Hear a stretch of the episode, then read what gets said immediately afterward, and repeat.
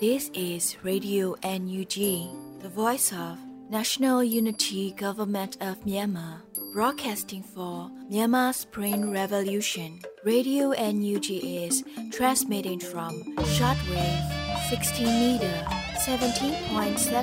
megahertz at 8:30 a.m. and 25 meter 11.94 megahertz at 8:30 p.m. Myanmar Standard Time. မင်္ဂလာပါရှင်။အမျိုးသားညီညွတ်ရေးအစိုးရရဲ့အတန်လွတ်ဌာန Radio NUG ကိုမန္တပိုင်း၈နိုင်ခွဲမှာလိုင်းတူ6မီတာ19.3 MHz နဲ့ညပိုင်း၈နိုင်ခွဲမှာလိုင်းတူ25မီတာ17.6 MHz တို့မှာဓာတ်ရိုက်ဖမ်းယူနားဆင်နိုင်ပါပြီရှင်။မင်္ဂလာအပေါင်းနဲ့ပြည့်စုံကြပါစေ။အခုချိန်ကစပြီး Radio NUG စီစဉ်လေးကိုဓာတ်ရိုက်အတန်လွှင့်ပေးနေပါပြီ။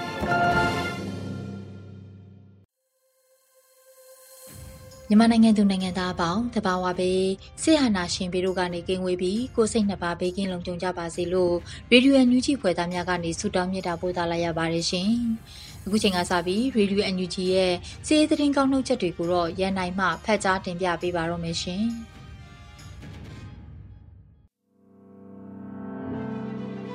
ရေဒီယိုအန်ယူဂျီသောရရှင်များမင်္ဂလာပါခင်ဗျာ။ ခုချိန်အစပြီး2024ခုနှစ်ဖေဖော်ဝါရီလ23ရက်မနက်ခင်းမှာတင်ပြပေးမယ်။ Radio NUG စီးရဲသတင်းများကိုကျွန်တော်ရန်နိုင်ကဖတ်ကြားတင်ပြပေးတော့မှာဖြစ်ပါတယ်။ပထမဆုံးတင်ဆက်ပေးခြင်းတဲ့စီးရဲသတင်းကတော့ပြည်သူ့ကာကွယ်ရေးတပ်မတော်တောင်ပိုင်းစစ်ဒေသရဲ့အထူးစစ်စင်ရေးတနက်အပတ်စဉ်ငါအောင်မြင်စွာပြီးဆုံးသွားတယ်ဆိုတဲ့သတင်းပဲဖြစ်ပါတယ်။အမျိုးသားညီညွတ်ရေးဆိုရကာကွယ်ဝင်ကြီးဌာနပြည်သူ့ကာကွယ်ရေးတပ်မတော် တောင်ပိုင်းစစ်ဒေသရဲ့အထူးစစ်စေးတနန်းအပတ်စဉ်9တနန်းအား KNU တပ်မဟာ6နယ်မြေတွင်အထူးစစ်စင်ရေးတပ်ဖွဲ့ SOF မှဦးဆောင်တင် जा ပေးခဲ့ပြီးအောင်မြင်စွာပြီးဆုံးခဲ့ပြီဖြစ်တယ်လို့ဆိုပါတယ်။အထူးစစ်စင်ရေးတင်တဲ့အပတ်စဉ်9အားအခြေခံစစ်ပညာတင်တဲ့တလခွဲအထူးစစ်စင်ရေးတင်တဲ့2လအထူးမွန်မဲ့တင်တဲ့များအဖြစ်ဖွဲ့များခွဲပြီးစနိုက်ပါတင်တဲ့ဆေးတင်တဲ့လက်နက်ကြီးတင်တဲ့ drone တင်တဲ့တလဖြင့်မေလ15ရက်2023မှာ စက်တင်ဘာလ30ရက်2023အထိစုစုပေါင်း၄လခွဲကြာတင်ကြားခဲ့ပါတယ်။တင်နန်းအား KNL မှတင်နန်းနှီးပြများ US Marine တပ်ဖွဲ့ဝင်ဟောင်းမြန်မာနိုင်ငံသားတင်နန်းနှီးပြများ SOF တင်နန်းနှီးပြများမှကြီးကြပ်တင်ကြားပေးခဲ့ပြီးမွန်ကင်တင်းသာရီရှိတော်လိုင်းတပ်ဖွဲ့အသီးသီးမှ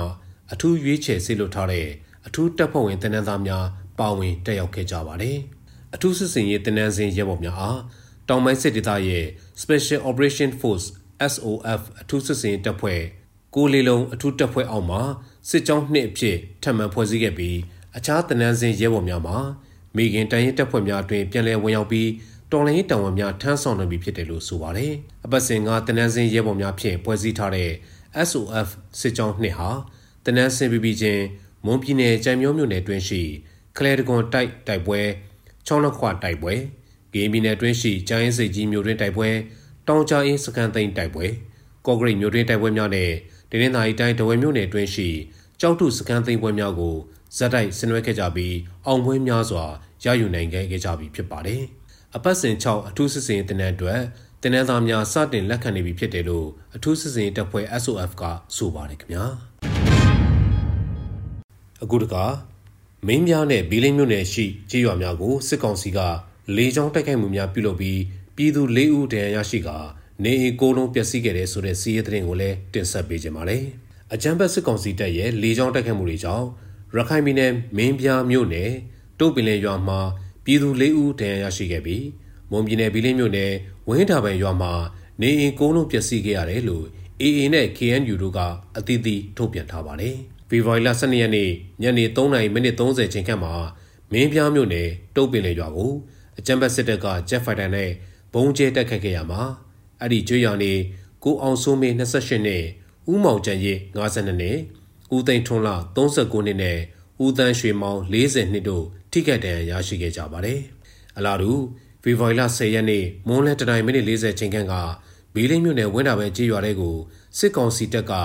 MI35 ရဟရင်ဖြင့်ပစ်ခတ်ခဲ့တာကြောင့်ပြည်သူပိုင်းနေအကုန်လုံးပျက်စီးခဲ့ရတယ်လို့ KNU ကထုတ်ပြန်ထားပါတယ်။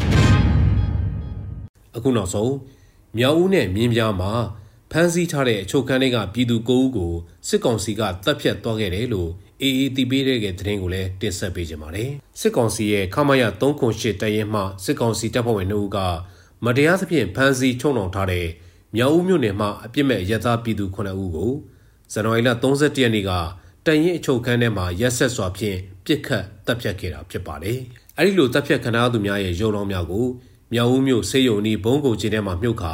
အလောင်းဖျောက်ဖျက်ခဲ့တယ်လို့ထုတ်ပြန်ချက်မှာဖော်ပြထားပါတယ်။တပ်ဖြတ်ခံထားရသူများထဲမှာ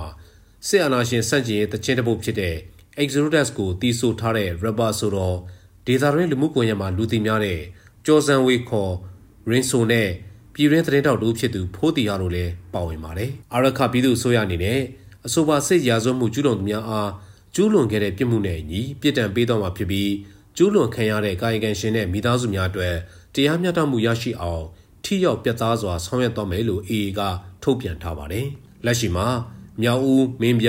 ကြောက်တော်မြို့နယ်ရှိစစ်ကောင်စီတရင်အလုံးကိုရခိုင်တပ်တော် AA ကသိမ်းပိုက်ထားပြီးလဲဖြစ်ပါတယ်ခင်ဗျာအခုတင်ပြခဲ့တဲ့စီးရဲတဲ့တွေကိုရေဒီယိုအန်ယူဂျီသတင်းတောင်မင်းတီဟန်နဲ့မင်းစစ်သွေးတို့ကပေးပို့ထားတာပဲဖြစ်ပါတယ်ခင်ဗျာ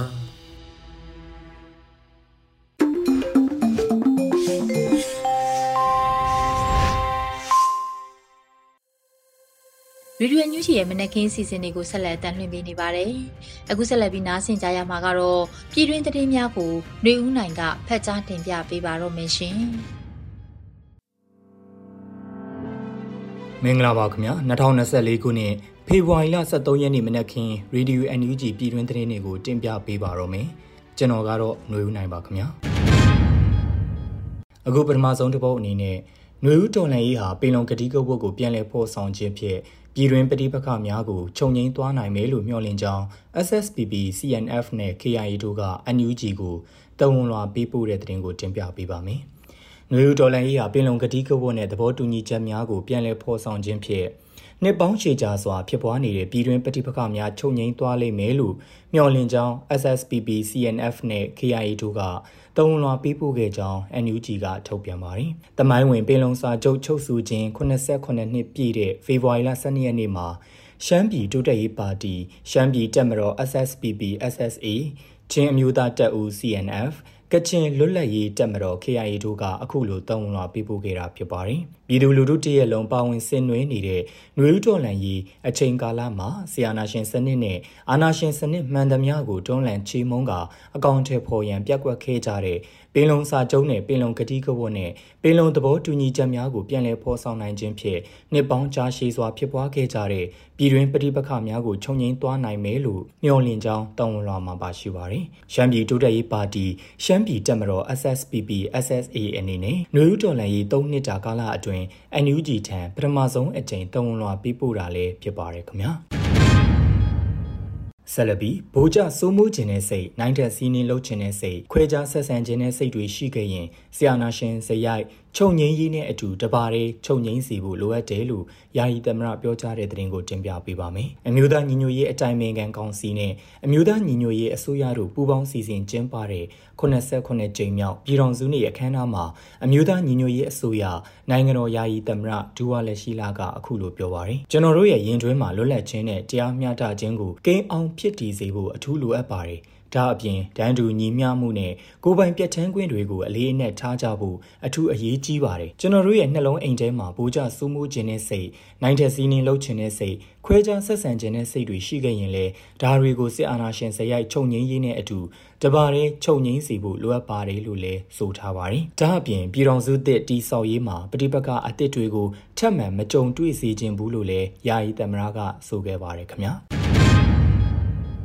တိုင်းပြည်ရဲ့ဘုံရန်သူအစစ်အမှန်ကိုအမြင့်ဖြတ်တိုက်ထုတ်ပြီးတော့လူမှုအတိုင်းအမြုံသစ်တစ်ခုတီးဆောက်နိုင်ဖို့အပြေရှားကြရမယ်လို့ပြည်ထောင်စုဝန်ကြီးချုပ်ပြောဆိုတဲ့သတင်းကိုတင်ပြပေးပါမယ်။ဖေဖော်ဝါရီလ12ရက်နေ့မှာကျင်းပတဲ့ပင်လုံစာချုပ်ချုပ်ဆိုခြင်း89နှစ်မြောက်အခမ်းအနားမှာပြည်ထောင်စုဝန်ကြီးချုပ်ကအခုလိုပြောကြားခဲ့ပါတယ်။ဝိဝါဒများမတူကွဲပြားမှုများပြားတဲ့ကျွန်တော်တို့နိုင်ငံအတွက် Federal အိမ်မက်အကောင့်ထဲပေါ်ဖို့ဆိုတာခက်ခဲကြမ်းကြမ်းမဲဆိုတာလက်တွေ့အကောင့်ထဲပေါ်ဆောင်ရွက်နေသူတွေတာမက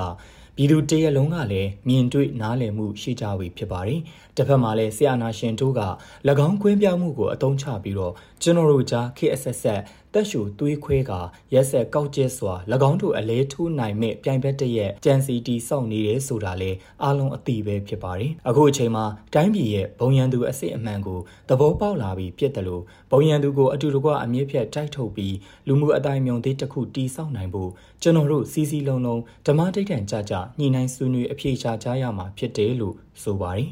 လက်ရှိမှာအမျိုးသားညီညွတ်ရေးအစိုးရဟာ Federal Charter အတိုင်းရှောက်လန်းနေပြီးတော့တိုင်းသားတော်လှန်ရေးအင်အားစုများနဲ့စစ်ရေးနိုင်ငံရေးများကိုအတူလက်တွဲဆောင်ရွက်လျက်ရှိတယ်လို့သိရပါတယ်ခင်ဗျာ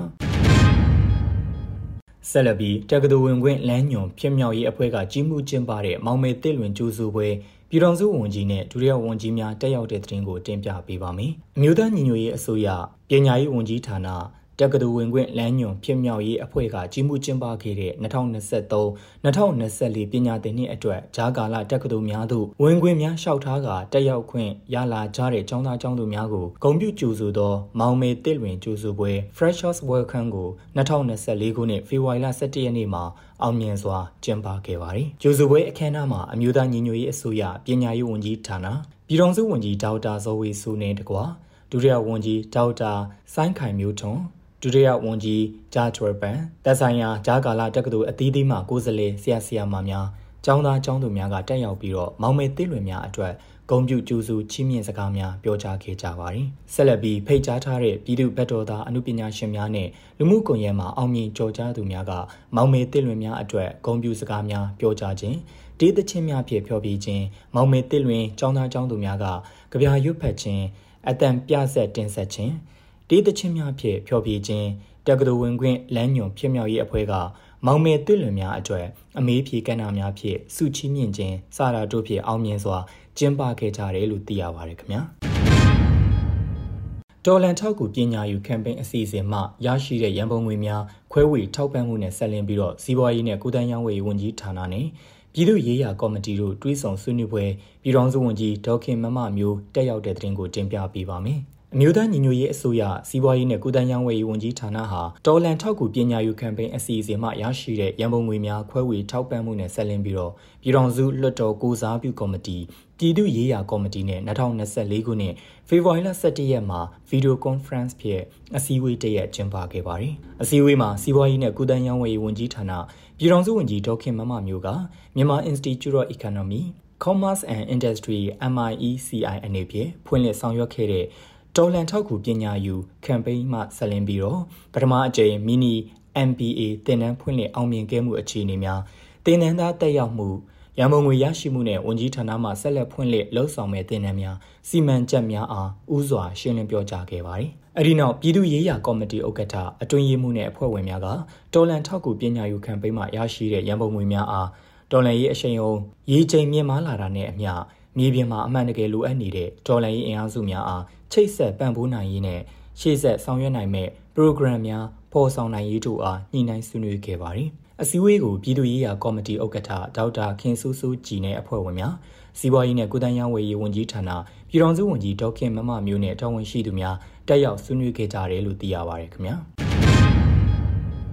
နေပြည်သိမ့်ပိုင်အွန်လိုင်း site ကမ်ပိန်းကော်မတီဌာနသို့လာရောက်ပြီးတော့ဒူဝန်ကြီးဤတင်စာမောင်နဲ့ဒူဝန်ကြီးခွန်မျိုးအောင်တို့ကငွေကျပ်6သိန်းထောက်ပို့ပေးအပ်တဲ့တဲ့တင်ကိုတင်ပြပေးပါမယ်။နေပြည်သိမ့်ပိုင်အွန်လိုင်း site ကမ်ပိန်းကော်မတီဌာနသို့လာရောက်ပြီးတော့ဒူဝန်ကြီးဤတင်စာမောင်နဲ့ဒူဝန်ကြီးခွန်မျိုးအောင်တို့ကငွေကျပ်6သိန်းထောက်ပို့ပေးအပ်သွားခဲ့တယ်လို့ဖေဖော်ဝါရီလ12ရက်နေ့မှာနေပြည်သိမ့်ပိုင်အွန်လိုင်း site ကမ်ပိန်းကအတည်ပြုဆိုထားပါတယ်။နေပြည်သိမ့်ပိုင်အွန်လိုင်း site က လလတရဲ့တိန်းတထောင်ကမ်ပိန်းအတွက်ဖေဖော်ဝါရီလ17ရက်နေ့ကစလို့ CRPH OFP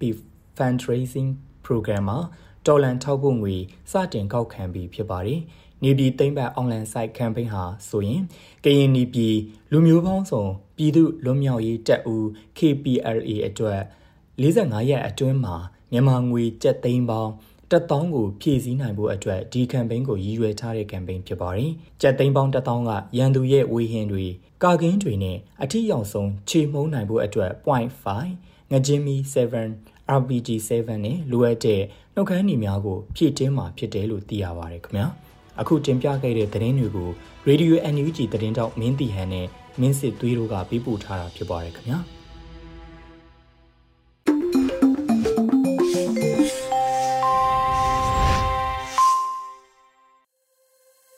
ဗီဒီယိုညူးကြီးကိုနားတော်တာဆင်နေတဲ့ပရိသတ်များရှင်အခုတစ်ခါနားဆင်ကြရမှာကတော့ KNDF ဒုတိယစစ်ဦးစီးချုပ်မာဝီနဲ့မျက်မှောက်ရေးအင်တာဗျူးမေးမြန်းတင်ဆက်မှုကိုတော့ຫນွေဦးလေပြေကတင်ဆက်ပေးထားပါရရှင်မင်္ဂလာပါရှင်အခုစစ်ကောင်စီရဲ့စစ်မှုမထမ်းမနေရဥပဒေပေါ်မှာပေါ့နော်ဘယ်လိုများသုံးသပ်ပါလဲရှင်ကျွန်တော်တို့ဒီစကားစားရဲ့စစ်မှုမထမ်းမနေရဥပဒေပေါ်လာတာကတော့ သူ့ရဲ့နောက်ဆုံးလမ်းကိုကျွန်တော်တို့အယက်သားပြည်သူတွေကိုပါဆွဲခေါ်ချသွားခြင်းတဲ့သဘောမျိုးလို့ကျွန်တော်တို့ယုံကြည်ပါတယ်။သူမနိုင်နိုင်တော့တဲ့အဆုံးမှာသူရှိသမျှလူတွေကိုဒုက္ခပေးသွားမယ်ဆိုတဲ့ပုံစံမျိုးလို့ကျွန်တော်တို့မှတ်ယူတယ်။အဲ့ဒါကြောင့်မလို့ကျွန်တော်တို့ကတော့ဟိုဒီကိစ္စကိုပြည်သူလူထုတွေအနေနဲ့ပေါ်ပေါ်ဆဆလေးမတွေးကြချင်ဘူးတေတေချာချာလေးလေးလက်နက်လေးထားဖို့ရအတွက်ကျွန်တော်တို့တိုက်တွန်းလိုပါတယ်ပေါ့လေနော်အဲဒါမဲ့လမ်းကတော့ရှင်းပါတယ်စစ်ကောင်စီဘက်ကိုမသွားလို့ဘူးဆိုရင်ရှင်တော့နီးစက်ရတော်လိုင်းတပ်ဖွဲ့တွေရှိမှာကိုကျွမ်းကျင်ရကျွမ်းကျင်ရကဏ္ဍတွေကနေပြီးတော့ပါဝင်ပြီးတော့မှဒါစစ်ကောင်စီကိုအင်တိုင်းအားတိုင်းနဲ့အပြီးပြက်အနိုင်ရအောင်တော်လိုင်းရေးမှာပါဝင်စုံလုံးခုံပါဝင်လိုက်ဖို့ကျွန်တော်တို့ကတော့ဒီလမ်းရှိတာပေါ့လေနော်ဟုတ်ကဲ့ပါရှင်အခု KNDF ကလည်းပေါ့နော်ပြည်သူခုခံတော်လှန်စစ်အတွက်ကိုပြည်သူတွေပါဝင်ဖို့ ဘယ်လိုတိုက်တွန်းနှိုးဆော်ခြင်းပါလဲရှင်။ KNDF ကတော့ဒီခုလောလောဆယ်မှာကျွန်တော်တို့ဒေတာတွေဖက်ကိုလာခဲ့မယ်ဆိုလို့ရှိရင်ကျွန်တော်တို့ကူညီလှုပ်ဆောင်ပေးမယ်အဲကျွန်တော်တို့နေရာချထားရေးလုပ်ပေးမယ်ဒါပေမဲ့တော်လန်ရေးအတွက်ပါဝင်မဲ့သူတွေကိုပဲပို့ပြီးတော့မှကျွန်တော်တို့ဟိုဖြစ်တာပေါ့လေနော်ဆိုလိုတာပေါ့ဥမာစစ်ကောင်စီရဲ့ဒီဥပဒေအရစစ်ကောင်စီရဲ့တက်တာလောက်ရမှာဆိုလို့ကျွန်တော်တို့လွတ်မြောက်ရအောင်ထွက်ပြေးလာတာပါဆိုပြီးတော့မှအာတော်လန်ရေးဒေတာမှာ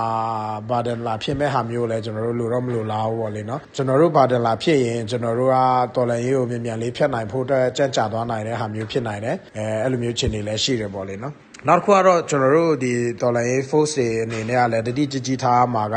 ဒါစစ်ကောင်စီဘက်ကသူတွေကလည်းဒလန်ဒရှိုအနေနဲ့ပါလာနိုင်တဲ့အခြေအနေမျိုးတွေလည်းအများရှိတဲ့ကြောင့်တေချာစီးစစ်ပြီးမှလက်ခံနိုင်ဖို့လည်းကျွန်တော်တို့ဟိုလောက်ရမှာဖြစ်ပါတယ်ပေါ့လေနော်ဟုတ်ကဲ့ရှင်လက်ရှိ KMDF ရဲ့စီးရေးအခြေအနေတွေကိုလည်းပြောပြပေးပါအောင်ရှင် KNDF ကတော့လက်ရှိစစ်ရေးကတော့ကျွန်တော်တို့မြို့သိမ်းတဲ့ကိစ္စတွေဒီစစ်ကောင်စီရဲ့ tax can base တွေကိုတိန်းတဲ့ဟာတွေကိုပြင်းထန်ကျွန်တော်လုပ်နေရတယ်အဲဆက်လက်ပြီးတော့မှသွားနေတယ်ပေါ့လေနော်ရလဲရနေတဲ့အခြေအနေတွေရှိတယ်များများဆဆတော့ဟိုစစ်ရေးထူခြားချက်တော့မရှိပေမဲ့ဒါသူ tax can တွေကိုဝိုင်းရံထားတဲ့အနေထားမှာရှိနေပြီပေါ့လေနော်အဲ့လိုမျိုးဖြစ်ပါတယ်ဟုတ်ကဲ့ပါရှင်နောက်ဆုံးအနေနဲ့ပေါ့နော်ပြည်သူခုခံတော်လှန်ရေးအတွက်ပြည်သူလူထုအတွက်ခွာဖြစ်စေမဲ့စကားတွေကိုလည်းပြောပြပေးခဲ့ပါအောင်ရှင် ဆိုတော့ပြည်သူလူထုတွေအနေနဲ့ကတော့ကျွန်တော်ဒီတော်လှန်ရေးမှာရေးကြီးတဲ့ခန်းကဏ္ဍနဲ့ပါဝင်တဲ့အတွက် အဲလူထုကြန့်ခိုင်မှုလူထုတောင်းခံနိုင်မှုအားကောင်းမှတော်လှန်ရေးအားကောင်းမှဖြစ်တယ်အဲ့ဒါကြောင့်မလို့ဟိုလူထုကြန့်ခံမှုတန်းခံနိုင်မှုကလည်းဒါတော်လန်ရေးရှေ့ရောက်ခြင်းမရောက်ခြင်းပေါ်မှာလည်းမူတည်နေတာပေါ့လေနော်ဒါကြောင့်မလို့လောလောဆယ်ကတော့တော်လန်ရေးဒီရှေ့ကိုရောက်နေတယ်အောင်မြင်မှုတွေရှိနေတယ်ကျွန်တော်တို့ဟိုအောင်နိုင်တော့မဲ့အနေအထားတွေမှာလည်းရှိတဲ့ကြောင့်လူထုကဒုက္ခတွေရောက်နေကြတယ်ခံစားရတယ်ဥယျာဉ်ပျက်စီးကြရတယ်အဲသို့တော်လည်းကျွန်တော်တို့ ဟိုဆက်လက်ပြီးတော့တောင်းခံပေးကြပါကျွန်တော်တို့ဒီအောင်မြင်မှုကိုလမ်းဆုပ်ကင်နိုင်ဖို့လက်တကမ်းမှာပဲလိုပါတော့တယ်ဆိုတာပဲပြောချင်ပါတယ်ဗျဟုတ်ကျေးဇူးပါ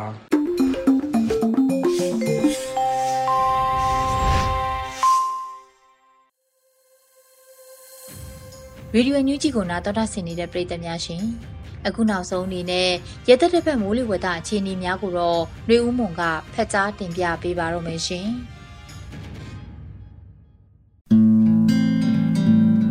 မင်္ဂလာပါရှင်ခုချိန်ကစပြီး2024ခုနှစ်ဖေဖော်ဝါရီလ12ရက်နေ့မှ18ရက်နေ့အထိမူလဝတ္တခံမှန်းချက်အခြေအနေများကိုတင်ပြပေးသွားမှာဖြစ်ပါတယ်။အခုတစ်ပတ်အတွင်းထူးခြားချက်မှာလာမည့်ရက်သက်တစ်ပတ်အတွင်းမြန်မာနိုင်ငံတပြည်လုံးတွင်စောင်းအေးတက်ကိုခန်းစားရနိုင်ပြီးလေဝေလိုင်းများကင်းဆယ်နိုင်ပါတယ်။မြန်မာနိုင်ငံမြောက်ပိုင်းစွန်းနဲ့တောင်ပိုင်းစွန်းတို့တွင်သာမိုးသည်မိုးဝဲအနေငယ်အချိန်ခါမဟုတ်ရွာနိုင်သည်ကိုသတိပြုစေလိုပါတယ်။ ဒီခုတစ်ပတ်တွင်ညအခါစောင်းရသည့်အေးပိုလာနိုင်မှုသည်အိန္ဒိယဘက်မှအေးလိုင်းအင်အားချက်ထွင်မှုနှင့်အင်အားရောကျမှုပေါ်မူတည်၍မြန်မာနိုင်ငံအထက်ပိုင်းအရှေ့ပိုင်းနှင့်လယ်ပိုင်းများသာမကမြဝကျွန်းမော်ဒေတာများအထိအေးပိုမှုအတက်ကြကိုခန်းစားရလာနိုင်ပြီးနနက်ပိုင်းတွင်မြူတူများလဲကျဆင်းနိုင်မှာကြောင်းသိစေလိုပါတယ်။ထူးခြားချက်မှာဆောင်းမှနွေရာသီတို့အခုအပြောင်းရှေးပြေးလက္ခဏာများကိုစတင်တွေ့ရှိလာရနိုင်ပါတယ်။ ဆိုပါချက်များမှာနေဘက်ပူချိန်များစတင်မြင့်တက်လာသဖြင့်နေဘက်ပူတကဲ့သို့ဆောင်းလက်ကြံလေးအေးများဆက်လက်တိုးဝင်နေစေဖြစ်သဖြင့်ညခါအေးပူခြင်းစသည့်နေဘူးညာချမ်းဖြစ်စဉ်များကိုစတင်ခန်းစားလာရနိုင်ခြင်းကိုဆိုလိုပါတယ်။နောက်ထပ်အခြေအနေတရမှာဆောင်းနက်နက်မြူတူများကြားရောက်မှုသည်တဖြည်းဖြည်းနောက်ကျလာပြီးမြူတူများလွင့်ပြဲချိန်မှာလည်းတဖြည်းဖြည်းနောက်ကျလာပြီးနေမြင့်ချိန်နနက်၈နာရီ၈နာရီခွဲနှင့်9နာရီချိန်များအထိနောက်ကျလာနိုင်သည်ကိုသတိပြုတွေ့မြင်နိုင်ပါတယ်။ ဆက်လက်ပြီးနေ့လိုက်တပတ်စာမိုးလေဝသအခြေအနေများကိုတင်ပြပြီးလာမယ့်2024အယ်နီညိုလာနီညာကူးပြောင်းဖြစ်ပေါ်လာနိုင်ခြင်းနဲ့မြန်မာနိုင်ငံပေါ်တက်ရောက်နိုင်ခြင်းများကိုလည်းတင်ပြပေးသွားပါမယ်ရှင်။ဖေရိုင်လ12ရက်နေ့အတွက်ခံမှန်းချက်မှာမြန်မာနိုင်ငံအထက်ပိုင်းနဲ့အလယ်ပိုင်းတို့ရဲ့အနောက်မြောက်လေများတိုက်ခတ်လာနိုင်ပြီးတောင်ပိုင်းတွေတောင်အရှေ့တောင်လေများတိုက်ခတ်နေနိုင်ပါတယ်။ဆောင်းမုတ်တုံချင်းဒီမှာမြန်မာနိုင်ငံအထက်ပိုင်းအရှေ့ပိုင်းနဲ့အလယ်ပိုင်းတို့တွင်ညပူချိန်များကျဆင်းလာပြီးဆက်လက်အေးပိုနိုင်တော့လဲ မြို့ဝကျွန်းမော်ဒေတာများတွင်ပြန်လည်အေးသက်သာသွားနိုင်ပါတယ်။နံနက်ပိုင်းတွင်ရခိုင်ပြည်နယ်ချင်းပြည်နယ်ကချင်ပြည်နယ်စကိုင်းတိုင်းမန္တလေးတိုင်းမကွေးတိုင်းရှမ်းပြည်နယ်ကရင်ပြည်နယ်ပဲခူးတိုင်းအေရီတိုင်းနှင့်ကရင်ပြည်နယ်တို့တွင်မြို့လူများကျဆင်းနိုင်ပါတယ်။ဘင်္ဂလားပင်လယ်အခြေအနေမှာဘင်္ဂလားပင်လယ်တောင်ပိုင်းနှင့်ကပလီပင်လယ်ပြင်တို့တွင်တိမ်အသင့်တက်မှတိမ်ထူထပ်နိုင်ပြီးကြံဘင်္ဂလားပင်လယ်တွင်တိမ်ကင်းဆင်နိုင်ပါတယ်။မိုးအခြေအနေမှာတနင်္သာရီတိုင်းတောင်ပိုင်းစွန်းတွင်နေရာကွက်ကြားမိုးရွာနိုင်သည်မှအပ ကြံတပြီလုံးတွင်တာယာနိုင်ပါတယ်။ပင်လယ်ပြင်အခြေအနေမှာခိုင်ကဲရံဘက်တွင်မြောက်နောက်မြောက်ဖက်မှလေသည်တနိုင်9မိုင်မှ10မိုင်ခန့်တိုက်ခတ်နိုင်ပြီးလှိုင်းအသင့်တက်ရှိနိုင်ပါတယ်။မြို့ဝကျွန်းမမုတ်တမကွေတနင်္သာရီကဲရံဘက်တွင်အရှိအရှိတောင်ဘက်မှလေသည်တနိုင်9မိုင်ခန့်တိုက်ခတ်နိုင်ပြီးလှိုင်းအသင့်တက်ရှိနိုင်ပါတယ်ရှင်။ဖေရိုင်လ23ရက်နေ့အတွက်ခံမှန်းချက်ကတော့မြန်မာနိုင်ငံအထက်ပိုင်းနဲ့အလဲပိုင်းတို့တွင်နောက်မြောက်လေးများတိုက်ခတ်လာနိုင်ပြီးတောင်ပိုင်းတွင်တောင်အရှိတောင်လေးများတိုက်ခတ်နေနိုင်ပါတယ်။ စောင်းမုတ်တုံချင်းဒီမှာမြန်မာနိုင်ငံအထက်ပိုင်းအရှေ့ပိုင်းနှင့်အလဲပိုင်းတို့တွင်ညပူချိန်များကြာဆင်းပြီးဆက်လက်အေးပိုနိုင်တော့လဲမြို့ဝကျွန်းမော်ဒေတာများတွင်ပြန်လည်အေးအေးသက်သာသွားနိုင်ပါတယ်။နနက်ပိုင်းတွင်ရခိုင်ပြည်နယ်ချင်းပြည်နယ်ကချင်ပြည်နယ်စကိုင်းတိုင်းမန္တလေးတိုင်းမကွေးတိုင်းရှမ်းပြည်နယ်ကရင်ပြည်နယ်ပဲခူးတိုင်းအေရီတိုင်းနှင့်ကရင်ပြည်နယ်တို့တွင်မြူတူများကြာဆင်းနိုင်ပါတယ်။ဘင်္ဂလားပင်လယ်အခြေအနေမှာဘင်္ဂလားပင်လယ်တောင်ပိုင်းနှင့်ကပလီပင်လယ်ပြင်တို့တွင်တိမ်အသင့်တက်မှတိမ်ထူထပ်နိုင်ပြီး ကြံဘင်္ဂလားပင်လယ်အော်တွင်တိမ်ကင်းဆင်နိုင်ပါတယ်။မိုးအခြေအနေမှာရှမ်းပြည်နယ်ရှေ့ပိုင်းနှင့်တနင်္သာရီတောင်ပိုင်းစွန်းတို့တွင်နေရာကွက်ကြားမိုးရွာနိုင်သည့်မှအပကြံတပြီလုံးတွင်တာယာနိုင်ပါတယ်။ပင်လယ်ပြင်အခြေအနေမှာရခိုင်ကဲရံဘက်တွင်မြောက်နောက်မြောက်ဘက်မှလေသည်တနိုင်9မိုင်မှ10မိုင်ခန့်တိုက်ခတ်နိုင်ပြီးလိုင်းအသင့်အင့်ရှိနိုင်ပါတယ်။မြဝကျွန်းမမုတ်တမကွင်းနဲ့တနင်္သာရီကဲရံဘက်တွင်အရှိအရှိတောင်ဘက်မှလေသည်တနိုင်9မိုင်ခန့်တိုက်ခတ်နိုင်ပြီးလိုင်းအသင့်အင့်ရှိနိုင်ပါတယ်ရှင်။ ဖေဖော်ဝါရီလ14ရက်နေ့အတွက်ခံမှန်းချက်မှာမြန်မာနိုင်ငံအထက်ပိုင်းနဲ့အလဲပိုင်းတို့တွင်အနောက်မြောက်လေများတိုက်ခတ်လာနိုင်ပြီးတောင်ပိုင်းတွင်တောင်ရှေ့တောင်လေများတိုက်ခတ်နေနိုင်ပါတယ်။စောင်းမုတ်တုံချီနေမှမြောက်လေအေးများသည့်မြန်မာနိုင်ငံအထက်ပိုင်းအရှေ့ပိုင်းနှင့်အလဲပိုင်းတို့မှမြို့ဝကျွန်းမော်ဒေတာများအထိဆင်းလာနိုင်သဖြင့်တပြည်လုံးတွင်ညခအေးလာနိုင်ပါတယ်။နေ့ဘက်ပူရိညဘက်ချမ်းတီကိုသတိပြုလာရနိုင်ပါတယ်။နနက်ပိုင်းတွင်အခိုင်ပြည်နယ်ချင်းပြည်နယ်ကချင်ပြည်နယ်စကိုင်းတိုင်းမန္တလေးတိုင်းမကွေးတိုင်း ရှမ်းပြည်နယ်ကရင်ပြည်နယ်ပဲခူးတိုင်းအေရီတိုင်းနှင့်ကရင်ပြည်နယ်တို့တွင်မြူတူများကျဆင်းနိုင်ပါတယ်။ဘင်္ဂလားပင်လယ်အော်ချီနေမှာဘင်္ဂလားပင်လယ်တောင်ပိုင်းနှင့်ကပလီပင်လယ်ပြင်တို့တွင်တိမ်အသင့်တက်မှတိမ်ထူထပ်နိုင်ပြီးကြံဘင်္ဂလားပင်လယ်အော်တွင်တိမ်ကင်းဆင်နိုင်ပါတယ်။မိုးချီနေမှာတပြည်လုံးတွင်တာယာနိုင်ပါတယ်။ပင်လယ်ပြင်ချီနေမှာအခိုင်ကဲရိုးရဘတ်တွင်မြောက်နောက်မြောက်ဖက်မှလေးသည်တနိုင်း9မိုင်မှ10မိုင်ခန့်တိုက်ခတ်နိုင်ပြီးလိုင်းအသင့်အင့်ရှိနိုင်ပါတယ်။မြို့ဝကျွန်းပေါ်မုတ်တမကွေးနဲ့ တနင်္သာရီကဲရိုးရဘတ်တွင်အရှိအရှိတောင်ဘက်မှလေးသည်တနိုင်း9မိုင်ခန့်တိုက်ခတ်နိုင်ပြီးလိုင်းအသင့်အင့်ရှိနိုင်ပါတယ်ရှင်။ဖေရိုင်လ15ရက်နေ့အတွက်ခံမှန်းချက်မှာ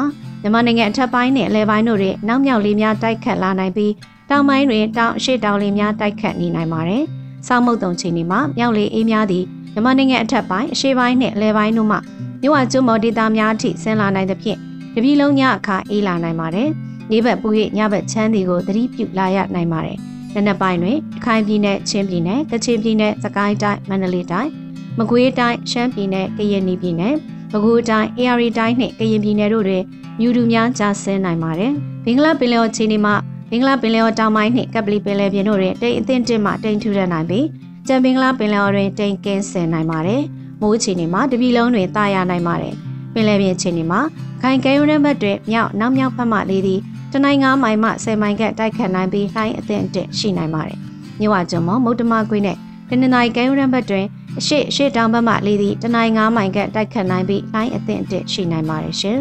။ဖေရိုင်လ16ရက်နေ့အတွက်ခံမှန်းချက်ကတော့မြန်မာနိုင်ငံအထက်ပိုင်းနဲ့အလဲပိုင်းတို့တွင်နောက်မြောက်လေများတိုက်ခတ်လာနိုင်ပြီးတောင်ပိုင်းတွင်တောင်အရှိတောင်လေများတိုက်ခတ်နေနိုင်ပါတယ်။စောင်းမုတ်တုံချိန်တွေမှာ မြောက်လေအေးများသည့်မြန်မာနိုင်ငံအထက်ပိုင်းအရှေ့ပိုင်းနှင့်အလဲပိုင်းတို့မှာမြို့ဝကျွန်းမော်ဒေသများအထိဆင်းလာနိုင်သဖြင့်တပြည်လုံးညအခါအေးလာနိုင်ပါတယ်။ဒီဘက်ပူးရဲ့ညဘက်ချမ်းတီကိုသတိပြုလာရနိုင်ပါတယ်။နနက်ပိုင်းတွင်ရခိုင်ပြည်နယ်ချင်းပြည်နယ်ကချင်ပြည်နယ်စကိုင်းတိုင်းမန္တလေးတိုင်းမကွေးတိုင်းရှမ်းပြည်နယ်ကရင်ပြည်နယ်ပဲခူးတိုင်းအေရီတိုင်းနှင့်ကရင်ပြည်နယ်တို့တွင်မြူတူများကျဆင်းနိုင်ပါတယ်။ဘင်္ဂလားပင်လယ်အခြေအနေမှာဘင်္ဂလားပင်လယ်တောင်ပိုင်းနှင့်ကပလီပင်လယ်ပြင်တို့တွင် တိမ်တင်းတင်းမှတိမ်ထူထပ်နိုင်ပြီးကြံဘင်္ဂလားပင်လယ်အော်တွင်တိမ်ကင်းစင်နိုင်ပါတယ်။မိုးအခြေအနေမှာစကိုင်းတိုင်းထပ်ပိုင်းတွင်နေရာကွက်ကြားမိုးရွာနိုင်သည်မှအပကြံတပြီလုံးတွင်တာယာနိုင်ပါတယ်။ပင်လယ်ပြင်အခြေအနေမှာရခိုင်ကမ်းရိုးတန်းဘက်တွင်မြောက်နောက်မြောက်ဖက်မှလေသည့်တနင်္ဂနွေမိုင်မှ10မိုင်ခန့်တိုက်ခတ်နိုင်ပြီးလိုင်းအသင့်အတင့်ရှိနိုင်ပါတယ်။မြဝကျွန်းမော်မုတ်တမကွေးနဲ့တနင်္လာရီကမ်းရိုးတန်းဘက်တွင်ရှေ့ရှေ့တောင်ဘက်မှလေသည့်တနင်္ဂနွေမိုင်ခန့်တိုက်ခတ်နိုင်ပြီးလိုင်းအသင့်အတင့်ရှိနိုင်ပါတယ်ရှင်။ဖေရိုင်လ19ရက်နေ့အတွက်ခံမှန်းချက်မှာ မြန်မာနိုင်ငံအထက်ပိုင်းနဲ့လယ်ပိုင်းတို့တွင်နောက်မြောက်လေးများတိုက်ခတ်လာနိုင်ပြီးတောင်ပိုင်းတွင်နောက်မြောက်လေးများတိုက်ခတ်နေနိုင်ပါတယ်။ဆောင်းမုတ်သုံးချီနေမှမြောက်လေအေးများသည်မြန်မာနိုင်ငံအထက်ပိုင်းရှေ့ပိုင်းနဲ့လယ်ပိုင်းတို့မှမြို့ဝကျွန်းမော်ဒေတာများအထိဆင်းလာနိုင်သဖြင့်တပြည်လုံးညအခါအေးလာနိုင်ပါတယ်။ဒီဘက်ပူ၍ညဘက်ချမ်းသည်ကိုသတိပြုလာရနိုင်ပါတယ်။နနက်ပိုင်းတွင်ရခိုင်ပြည်နယ်ချင်းပြည်နယ်ကချင်ပြည်နယ်စကိုင်းတိုင်းမန္တလေးတိုင်းမကွေးတိုင်းရှမ်းပြည်နယ် ကရင်ပြည်နယ်ပဲခူးတိုင်းအေရီတိုင်းနှင့်ကရင်ပြည်နယ်တို့တွင်မြူတူများကျဆင်းနိုင်ပါတယ်။ဘင်္ဂလားပင်လယ်အခြေအနေမှာဘင်္ဂလားပင်လယ်တောင်ပိုင်းနှင့်ကပလီပင်လယ်ပြင်တို့တွင်တိမ်အသင်းတင်မှတိမ်ထူထပ်နိုင်ပြီးကြံဘင်္ဂလားပင်လယ်တွင်တိမ်ကင်းဆင်းနိုင်ပါတယ်။မိုးအခြေအနေမှာစကိုင်းတိုင်းထပ်ပိုင်းတွင်နေရာကွက်ကြားမိုးရွာနိုင်သည်မှအပကြံတပြည်လုံးတွင်တာယာနိုင်ပါတယ်။ပင်လယ်ပြင်အခြေအနေမှာခိုင်ကမ်းရိုးရမ်းဘက်တွင်မြောက်နောက်မြောက်ဖက်မှလေသည်တနိုင်း9မိုင်မှ10မိုင်ကတိုက်ခတ်နိုင်ပြီးလှိုင်းအသင့်အတင့်ရှိနိုင်ပါတယ်။မြို့ဝကျွန်းပေါ်မုတ်တမကွင်းနဲ့ တနင်္လာရီကမ်းရိုးတန်းဘက်တွင်ရှေ့ရှေ့တောင်ဘက်မှလေသည်တနိုင်း9မိုင်ကတိုက်ခတ်နိုင်ပြီးလှိုင်းအသင့်အတင့်ရှိနိုင်ပါတယ်ရှင်။ဖေရိုင်လ18ရက်နေ့အတွက်ခံမှန်းချက်မှာမြန်မာနိုင်ငံအထက်ပိုင်းနဲ့လယ်ပိုင်းတို့တွင်နောက်မြောက်လေးများတိုက်ခတ်လာနိုင်ပြီးတောင်ပိုင်းတွင်အနောက်မြောက်လေးများတိုက်ခတ်နေနိုင်ပါတယ်။စောင်းမုတ်တုံချိန်တွေမှာမြောက်လေးအေးများသည့်မြန်မာနိုင်ငံအထက်ပိုင်းရှေ့ပိုင်းနှင့်လယ်ပိုင်းတို့မှာမြဝကျွန်းမော်ဒေတာများအထိဆင်းလာနိုင်သဖြင့်တပြည်လုံးညအခါအေးလာနိုင်ပါတယ်။နေ့ဘက်ပူရဲ့ညဘက်ချမ်းဒီကိုသတိပြုလာရနိုင်ပါတယ်။ နနက်ပိုင်းတွင်ရခိုင်ပြည်နယ်ချင်းပြည်နယ်ကချင်ပြည်နယ်စကိုင်းတိုင်းမန္တလေးတိုင်းမကွေးတိုင်းရှမ်းပြည်နယ်ကရင်ပြည်နယ်ပဲခူးတိုင်းအေရီတိုင်းနှင့်ကရင်ပြည်နယ်တို့တွင်မြူတူများကျဆင်းနိုင်ပါတယ်။ဘင်္ဂလားပင်လယ်အခြေအနေမှာဘင်္ဂလားပင်လယ်တောင်ပိုင်းနှင့်ကပလီပင်လယ်ပြင်တို့တွင်တိမ်အသင့်တစ်မှတိမ်ထူထပ်နိုင်ပြီးကြံဘင်္ဂလားပင်လယ်အော်တွင်တိမ်ကင်းဆင်းနိုင်ပါတယ်။မိုးအခြေအနေမှာတနင်္လာရီတိုင်းတောင်ပိုင်းတွင်နေရာကွက်ကြားမိုးရွာနိုင်သည်မှပါကြံတပီလုံးတွင်တာယာနိုင်ပါတယ်။ပင်လယ်ပြင်ချင်းဒီမှာခိုင်ကဲရန်ဘက်တွင်မြောက်နောက်မြောက်ဖက်မှလေးသည် တနိုင်း9မိုင်မှ10မိုင်ကတိုက်ခတ်နိုင်ပြီးလိုင်းအသင့်အတက်ရှိနိုင်ပါတယ်။မြဝကျွန်းမမုတ်တမခွေးနဲ့တနင်္လာရီကဲရန်ဘက်တွင်ရှေ့ရှေ့တောင်ဘက်မှလေးသည်တနိုင်း9မိုင်ကတိုက်ခတ်နိုင်ပြီးလိုင်းအသင့်အတက်ရှိနိုင်ပါတယ်ရှင်။2024ခုနှစ်အယ်နီညိုလာနီညာအသွင်ကူးပြောင်းဖြစ်ပေါ်လာနိုင်မှုအခြေအနေခံမှန်းချက်ကိုတင်ပြပေးပါမယ်။ခံမှန်းထားချက်များအရ2024ခုနှစ်ဖေဖော်ဝါရီ၊မတ်၊ဧပြီ၊မေလအထိအယ်နီညိုတက်ရောက်မှုရှိနေနိုင်ပြီးမေလတွင်ပုံမှန်အခြေအနေသို့ပြန်ရောက်နိုင်ပါတယ်။ 2024ခုနှစ်ဇွန်လနဲ့ဇူလိုင်လတို့တွင်လာနီညာဖြစ်စဉ်ဘက်သို့အသွင်ကူးပြောင်းလာနိုင်ပြီးဩဂုတ်၊စက်တင်ဘာ၊အောက်တိုဘာလများတွင်လာနီညာဖြစ်စဉ်60ရာခိုင်နှုန်းထိမြင့်တက်လာနိုင်သည်ဟုခန့်မှန်းထားပါတယ်။ပြည်သူတို့သိရှိထားရမည်မှာအယ်နီညိုကြောင့်2024ခုနှစ်မတ်၊ဧပြီ၊မေလများတွင်နေပူချိန်မြင့်တက်လာနိုင်ပြီး6တွေ့စီနိုင်တဲ့ကဲ့သို့ပူရှိန်လွန်လာပါကရေငွေ့ပြန်နှုံမြင့်တက်လာပြီးလေးပွေလိုင်းများလေးဖိအားနေရုံများမုန်တိုင်းငယ်များ တခုခုရုတ်တရက်ဖြစ်လာနိုင်ပြီးမြို့အကျွန်းမရခိုင်ကမ်းရိုးတန်းဒေသများသို့လေးပွေလိုင်းမှုပြန်ကြမှုစစ်ချုံမိုးသက်လေးပြင်းများကြုံတွေ့နိုင်ပါတယ်။မတ်ဧပြီဖြတ်မှုဖြစ်ပါတယ်။2024ခုနှစ်ဇွန်ဇူလိုင်လများတွင်လာနီညာအစာပြိုးလာနိုင်ပြီးလာနီညာကြောင့်မုတ်တုံမိုးပိုကောင်းလာနိုင်သဖြင့်မုတ်တုံမိုးလည်းနှင့်မိုးနှောင်ကောင်းစေပြီးရေကြီးရေရှမ်းဖြစ်နိုင်မှုကိုကြုံတွေ့လာနိုင်ပါတယ်ရှင်။